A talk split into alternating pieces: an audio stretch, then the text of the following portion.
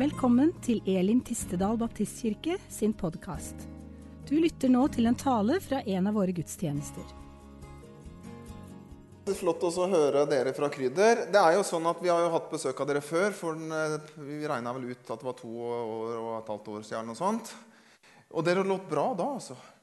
Men det, lå, det, var liksom, det var enda bedre. Er det lov til å si sånn? Det, var, det låt så kjempefint. Og så har jeg hørt en del av dere som synger solo og sånt før, men det var jo en der som var et helt nytt bekjentskap for meg. da. Og det, det var så bra, det, altså. Altså, Du tok meg med litt, sånn, litt til himmelen, og så litt altså Jeg kjente at jeg på en måte var i en baptistkirke, for å si det sånn. Ja, for Det er helt sant. Ja, ja, bra. Fordi at jeg har vært i andre baptistkirker enn vår. Nå, nå håper vi liksom at vi skal få sånn, sånn stemning her også. altså det er noe med det, Men jeg har vært i baptistkirker i andre land, Amerika og sånt, og da kjente jeg at liksom, nå var vi fryktelig nærme det. Det var fantastisk. Så takk skal dere ha. Gleder oss til å høre dere etterpå. Det er jo sånn at uh, sang, det berører. Og forrige søndag så, så, hadde vi også flott sang og musikk her på, på, huset vårt. Vi hadde besøk av en som heter Petter Alexander, som sikkert noen av dere kjenner. Eh, som Han leda oss i en lovsang som er, jeg tror sikkert noen av dere også kjenner til. Eh, som Etterpå så måtte vi rett og slett på smågruppene våre vi måtte rett og slett finne fram YouTube og se den og høre den sammen. Der også, Det ble et sånn samtalepunkt på smågruppa vår. og Det er den sangen som lyder sånn No longer slave of fear. I am a child of God. Sikkert noen som kjenner til den. Oversatt til norsk så lyder den sånn Jeg er ikke lenger slave av frykt, fordi jeg er et barn av Gud. Eh, og så kjente jeg forrige søndag da, at det var relativt store ord for meg å synge. For det er jo sånn at, at det er jo viktig at vi òg tenker over disse store ordene som vi bruker, både når vi snakker og også når vi synger. Eh, og disse ordene 'Jeg er ikke lenger slave av frykt, for jeg er barn av Gud'. Jeg kjenner at de ordene både for meg da, Det var både herlig å synge det, og så var det også vanskelig. Og Jeg skal komme tilbake til litt av bakgrunnen for det sånn etter hvert. Men jeg tror det er sånn at de aller fleste av oss som er her inne, på ulike måter har opplevd eller opplever frykt. Fordi at den kommer jo til oss på så veldig mange måter. For det første så har de jo den forståelige frykten. da, Som vi skjønner med vårt hode, og som er lett å forstå. Det kan være at vi frykter noe som er veldig skremmende. ikke sant? Eller vi kan være frykte det som er fremmed for oss, eller de fremmede. Eller vi kan frykte for endring. Når jeg var yngre, så syntes jeg det var rart at man var redd for endring. Jeg kjenner at det blir verre og verre altså, etter som åra går. Eh, så nå begynner jeg å forstå. Eller man frykter for fremtida si. Eller man kjemper med den frykten for sykdom og død. Det er kanskje den aller verste, for den, den kommer så nær på oss alle sammen. Men den er jo forståelig. Men det som er vanskelig med frykt, da, det er jo at mye av frykten den er helt irrasjonell. Den er ubegrunna. Og jeg har lyst til å føye til et ord, et kraftig ord. Den er til og med sykelig. Og når jeg står her og sier det til dere nå, så ønsker jeg ikke å stå her og snakke deg ned som måtte oppleve det på den måten. Jeg sier det fordi at jeg kjenner så godt til den siden av det sjøl. For det er kjempetøft når man kjemper med frykt, og man samtidig veit rent logisk oppi toppen av knollen her så veit man jo at det man står overfor, det er jo egentlig ikke å frykte i det hele tatt. Det kommer til å gå bra. Nei, jeg kommer ikke til å dø. Og så dukker jo denne ingeniøren opp i meg, da, for det er liksom min bakgrunn. Ja, liksom, Da begynner han logiske mannen å tenke ja, hva, hva er det verste som kan skje? Og det er jo heller ikke så ille. Når man liksom tenker etter, Det verste som kan skje, er faktisk som regel, som oftest ikke så farlig om skjer. Men allikevel så kjemper vi med denne frykten i de mest rare og underlige situasjoner. Og så er det jo sånn at Frykt den kan, den kan utnyttes. Frykt brukes helt bevisst i politiske kampanjer. For, eksempel. for å skaffe oppslutning om sitt eget synspunkt eller sitt eget parti eller sin egen retning. Fordi at om du velger de andre, da kommer det til å gå helt på skogen. Ikke sant? Og frykt brukes for at du skal kjøpe ting som du egentlig ikke har bruk for. For om du ikke har det, eller vasker håret med det, eller bruker den såpa, eller kjører med den bilen, så går det, så går det rett og slett nedenom og hjem med deg. altså. Og frykt det brukes for å manipulere. ikke vi kan liksom snakke om statsledere og i det store bildet, men vi kan snakke om det helt i det personlige, i møte enkeltmennesker med enkeltmennesker. Så brukes frykt for å manipulere og skaffe seg makt. Frykt er et veldig brukt våpen i den sammenhengen. Og så er det sånn at Jeg skulle gjerne sagt at det var annerledes. Men frykt er også godt kjent i våre kristne menigheter og forsamlinger. Og det er jo et stort paradoks da, når Johannes lærer oss følgende. Nå skal jeg lese dagens bibeltekst sammen. Den finner du i Johannes, 1. Johannes brev, kapittel 4, vers 18-19. Og der står det sånn i Jesu navn. I kjærligheten finnes det ikke frykt. Den fullkomne kjærligheten driver frykten ut. For frykten bærer straffen i seg. Og den som frykter, er ikke blitt fullendt i kjærligheten. Vi elsker fordi han elska oss først. Sånn lyder ordet ifra Guds ord. Dette, dette skriftstedet står i en sammenheng. da. Og Det står i sammenheng med, med Johannes sin forklaring av Gud. Hvis du sammenligner, hvis du tar og setter deg ned og sammenligner innledningen, altså 1. Johannes brev og starten på Johannes sitt evangelium Han har skrevet begge deler. Så, han, så, så, på en måte penser de innpå hverandre. Han forklarer, forteller noe om Gud. Han starter f.eks. med å, å, si i starten av dette 1. Johannes brev at det vi har sett og hørt og berørt det som var fra begynnelsen. Og innledningen til Johannes evangeliet snakker om ordet som var fra begynnelsen av. Han begynner å forklare oss hvem, hvem Gud er, og sier at ingen har noensinne sett Gud.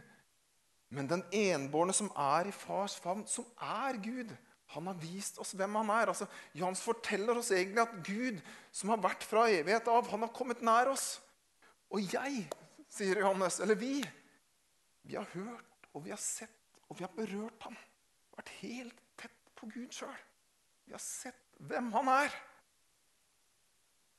Og når Johannes så skal forklare dette som han har hørt, sett og berørt, dette som han har vært helt nær, da kommer disse fantastiske orda utover i 1. Johannes brev, som vi finner i noen vers før dette, dette bibelavsnittet her, hvor Johannes konkluderer med hva han har hørt, sett og berørt. Det som var fra begynnelsen. Gud sjøl. Ja, hvem er han? Og så sier han det med tre enkle ord. Gud er kjærlighet. Det er det han har møtt. Det er det han har sett, hørt og berørt. Så når det i den, Og det er bakteppet for hele denne teksten også. Så når det står her at denne kjærligheten driver frykten ut, så er det ikke bare snakk om den indre følelsen vi på ulike måter måtte kjenne av kjærlighet. At, at følelsens kjærlighet skal drive frykten ut. Nei, det er Gud i seg sjøl. Han som er kjærlighet. Det er hans vesen, hans natur i seg sjøl, som driver frykten ut. Det er sånn at der Gud kommer til, der må frykten fare ut. Men allikevel så kjemper vi kristne med frykt. Til og med Nå skal jeg være litt kritisk. Jeg tør å være det, for jeg snakker om meg sjøl òg. Til og med så er det sånn at vi iblant produserer frykt. Midt i våre forsamlinger. Frykt for framtida. Til og med det glade og fantastiske budskapet blir skremmende. Jeg kan huske at jeg som liten gutt, for å nevne et eksempel da, På leir på Vatnar i Telemark hadde hørt forkynnelse om de siste tider og Jesu gjenkomst. Da skal jeg forklare deg hva frykt var. For Vi lå i hver vår seng, fire gutter i, sånne køyesenger. Og alle lå med kuler under øynene og visste at dette kom snart til å skje. Og vi var livende redde. Og dette var på 80-tallet, og vi skjønte at år 2000 kom aldri til å skje. For så nær var det. Det gikk år. altså Jeg kan fortelle at jeg satt på kino i, som 18-åring til og med og så på Terminator 3 i Porsgrunn kino. Og jeg tenkte at når løfter dette taket seg opp nå, og så kommer Gud igjen, også? og så sitter jeg og ser på dette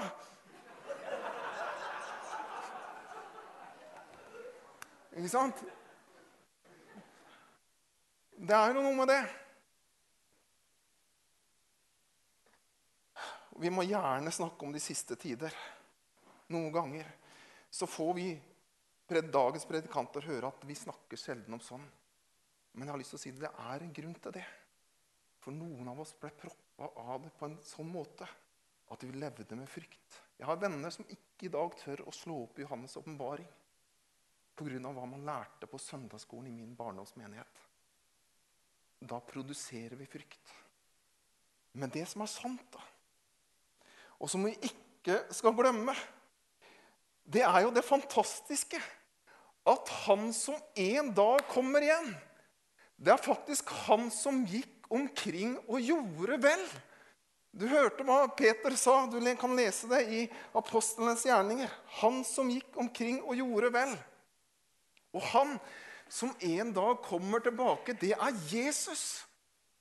Han som fremdeles er kjærlighet, som driver frykten bort, og som setter i frihet.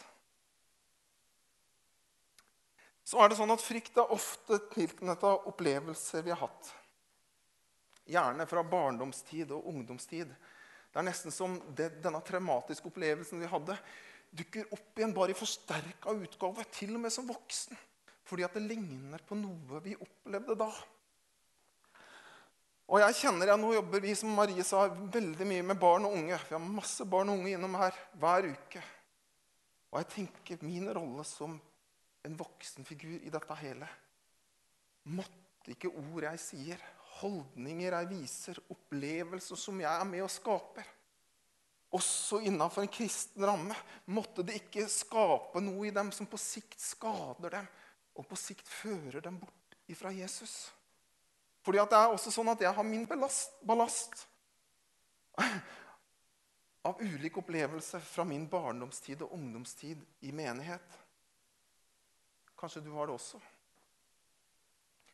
Men så er det sånn For å balansere det helt, hvert fall for min del om jeg skulle ta fram en vektskål og liksom si dette er det positive og dette er det negative jeg har opplevd, så er det veldig lett å si at det aller, aller meste var bare fantastisk og flott og berikende.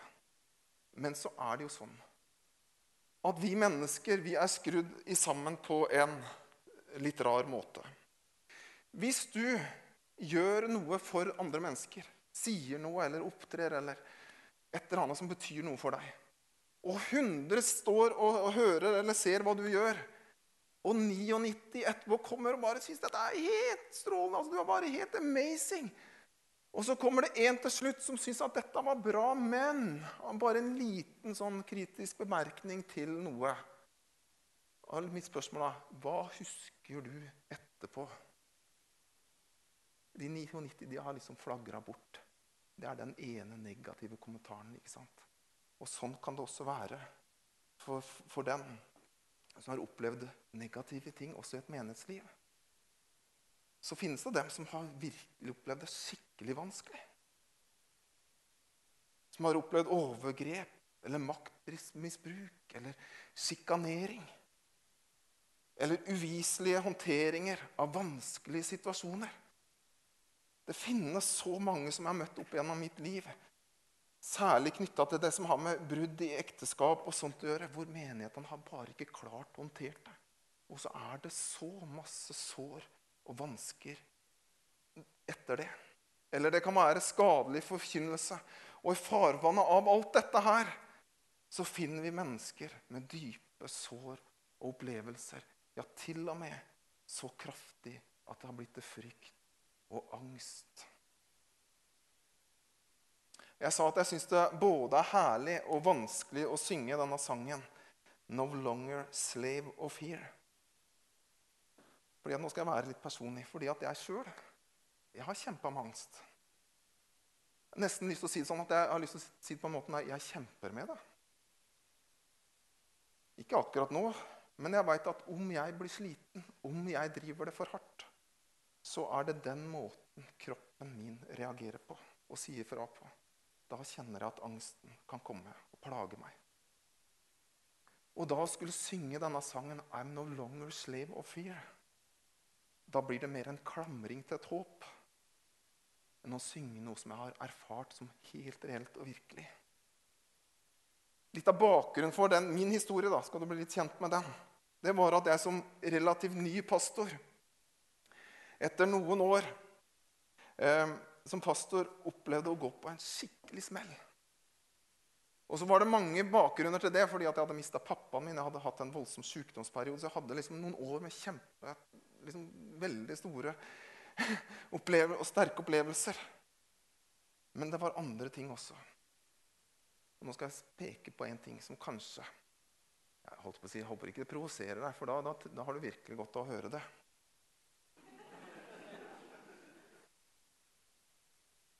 Legen min, som sjøl var en kristen da, Fantastisk fyr. Det var Guds gave å få han som lege den gangen.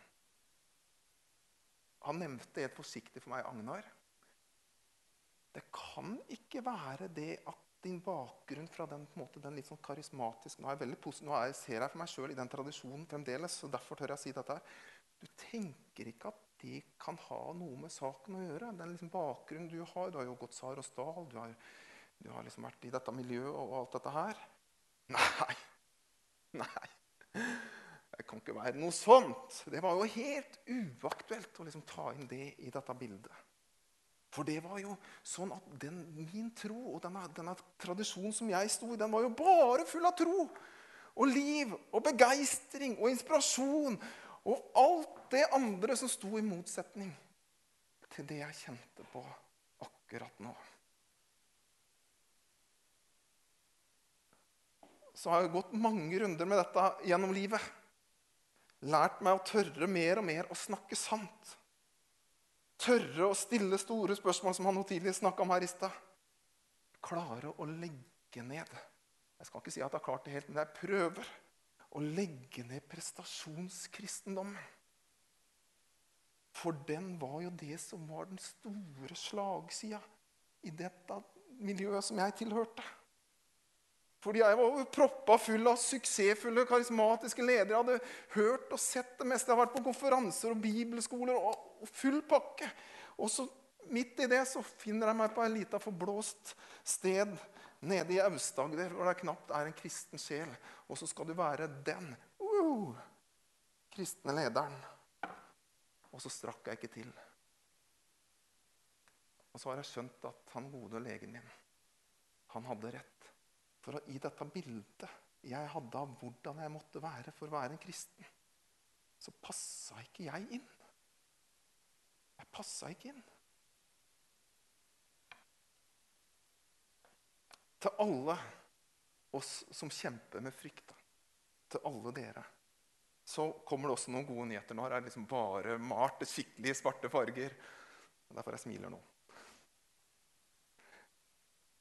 Det står at den fullkomne kjærligheten driver frykten ut. Altså, Frykten kan også få sin ende. For vi veit hva frykten gjør med oss. Den får oss til slutt til å gjøre ingenting. Det er hva frykten gjør. Menneskefrykten gjør at du til slutt ikke ønsker å åpne deg eller knytte kontakt mot nye mennesker. Frykten for endring, frykten for det fremmede, gjør at alt blir ved akkurat sånn som det er. Og til slutt så blir man et forknytt der ingenting skjer. Angst og frykt med bakgrunn i sår påført også i våre kristne miljøer, kan jo føre til det store, dramatiske valget at man forlater menighetslivet. Ja, til og med troa.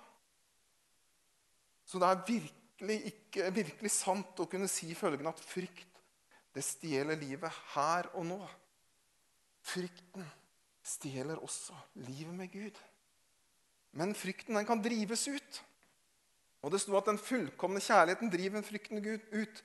Gud sjøl, han som er kjærlighet, driver den ut. Kanskje er det sånn at den frykten vi bærer på, noen ganger er et resultat av et skada, misforstått gudsbilde. Jeg har lyst til å si det sånn, at Hvis jeg skal tenke tilbake på mitt gudsbilde, så var det ikke helt. Gud var for de suksessfulle, men, men jeg hadde ikke helt oppdaga han som lå og kjempa i Getsemanhagen i angst. Men da oppdaga jeg han. Og så ble gudsbildet helere. Gudsfrykt er jo et begrep vi gjerne bruker. Men jeg har brukt et bilde fra fotballbanen som jeg liker å tenke i møte med det, og sagt at jo, gudsfrykt er godt å ha. Og viktig å ha. Men jeg sammenligner det med det å være en fotballspiller. Og Messi han er jo en frykta fotballspiller. ikke sant? Folk som møter han og som skal spille mot ham, de frykter ham. Men det er noen som frykter ham på en annen måte. Og det er, de er de som er på laget hans. Ikke sant? Sånn er også sann gudsfrykt. Den må ha sin rot i at Gud er med oss. Gud er på ditt lag. Det er sann gudsfrykt. For han er kjærlighet, og kjærligheten driver frykten ut. No longer slave of fear. I am a child of God. Ikke lenger slave. Fordi jeg er et Guds barn. Og det er det du er. Du som er her inne, og som måtte kjempe også med dette som jeg kaller for prestasjonskristendom. Hvis jeg tenker tilbake på Nå begynner barna mine å bli store, da. Men tilbake på når de var mindre. Så var det såreste spørsmålet jeg hørte fra mine barn, det var det da spørsmålet er du stolt av meg nå, pappa? For de hadde fått til noe på skolen eller gjort et eller annet bra på idrettsbanen. Og så kom de. 'Pappa, er du stolt av meg nå?' Og så kjente jeg jo, selvfølgelig var jeg stolt av det, men jeg håper nå inderlig de skjønner at, at det er ikke derfor for, Altså, du er jeg er ikke stolt, Jo, jeg er stolt av deg, men jeg er stolt av deg, men du har alltid vært helt mislykka. Altså, jeg er stolt av deg fordi du er barnet mitt. Og du veit hvem du skal prøve å prestere for. Er du stolt av meg nå, Gud? Nå har jeg klart å få til bønnelivet mitt, og jeg har gått på gudstjeneste i to år og gir tiende. Nå er du vel stolt av meg nå? Du veit hvem du tenker at du skal bli god nok for. Det er Gud, din pappa, han som har kjærlighet. Kjærligheten som driver frykten ut.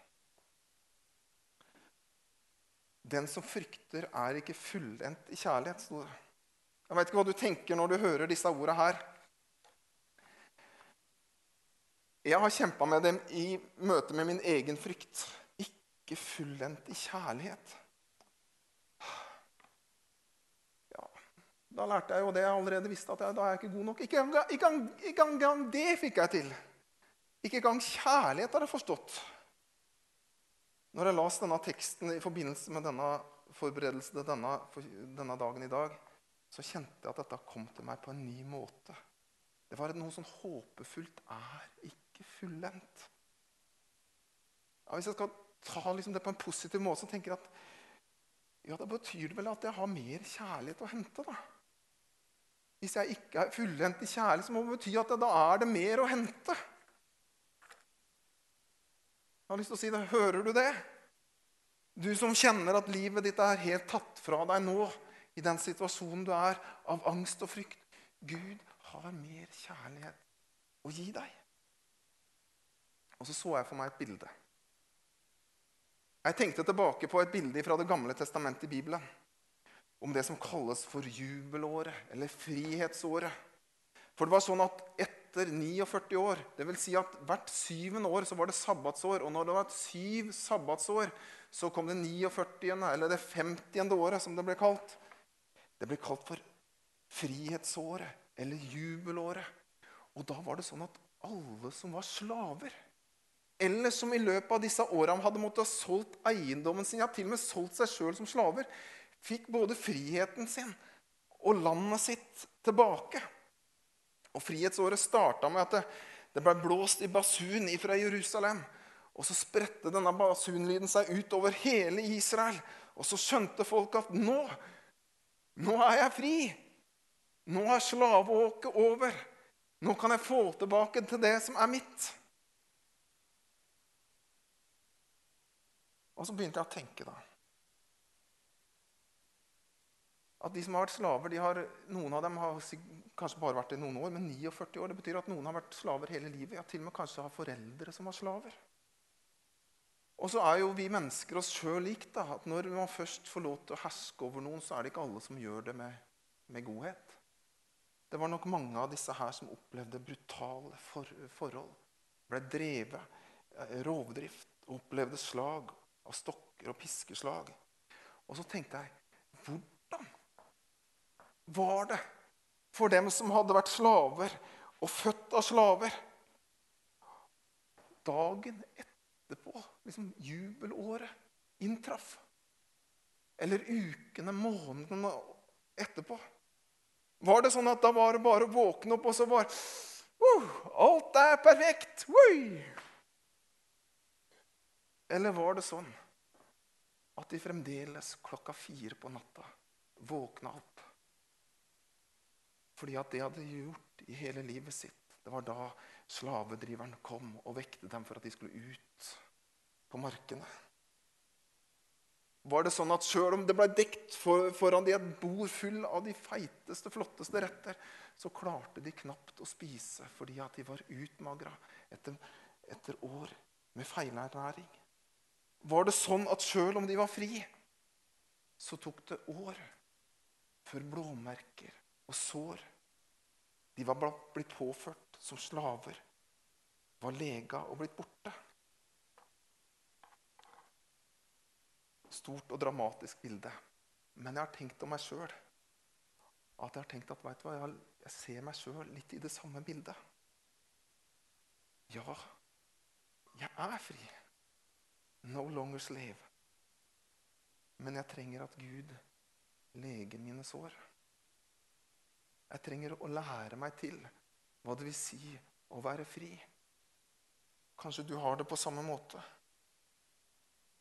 Men kanskje du ikke har tort en gang og sagt at du egentlig er fri. Fordi at du føler at alt du føler på, gir deg ikke lov til å gjøre det. Jeg har lyst til å si at vær frimodig. Tør å si de ordene om deg sjøl. Jeg er fri. Jeg er ikke lenger slave av frykten. Men jeg trenger at Gud leger mine sår.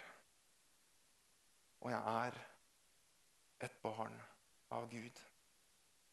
Nå har jeg lyst til å be en bønn. Kjære Gud, takk at du er her midt iblant oss i dag. Jeg vil så takke for at du kjenner oss alle sammen. Hver enkelt som er her inne. Du kjenner hva vi kjemper med. Og dette med frykt det tror jeg vi alle sammen kjenner på på ulike måter. Herre, må du gjøre ordet levende for oss. Og la oss virkelig oppleve var enda sterkere og kraftigere hva det vil si å være frigjort av deg, Herre Jesus. Det ber jeg om. Kom med din kjærlighet.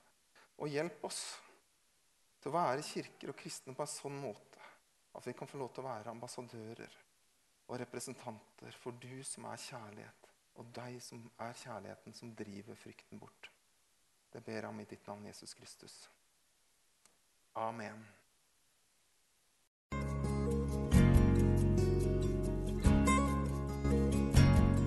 Takk for at du lyttet til denne talen. Håper du ble inspirert. Ønsker du å vite mer om hvem vi er og hva vi gjør? Sjekk ut vår hjemmeside elintistedal.no.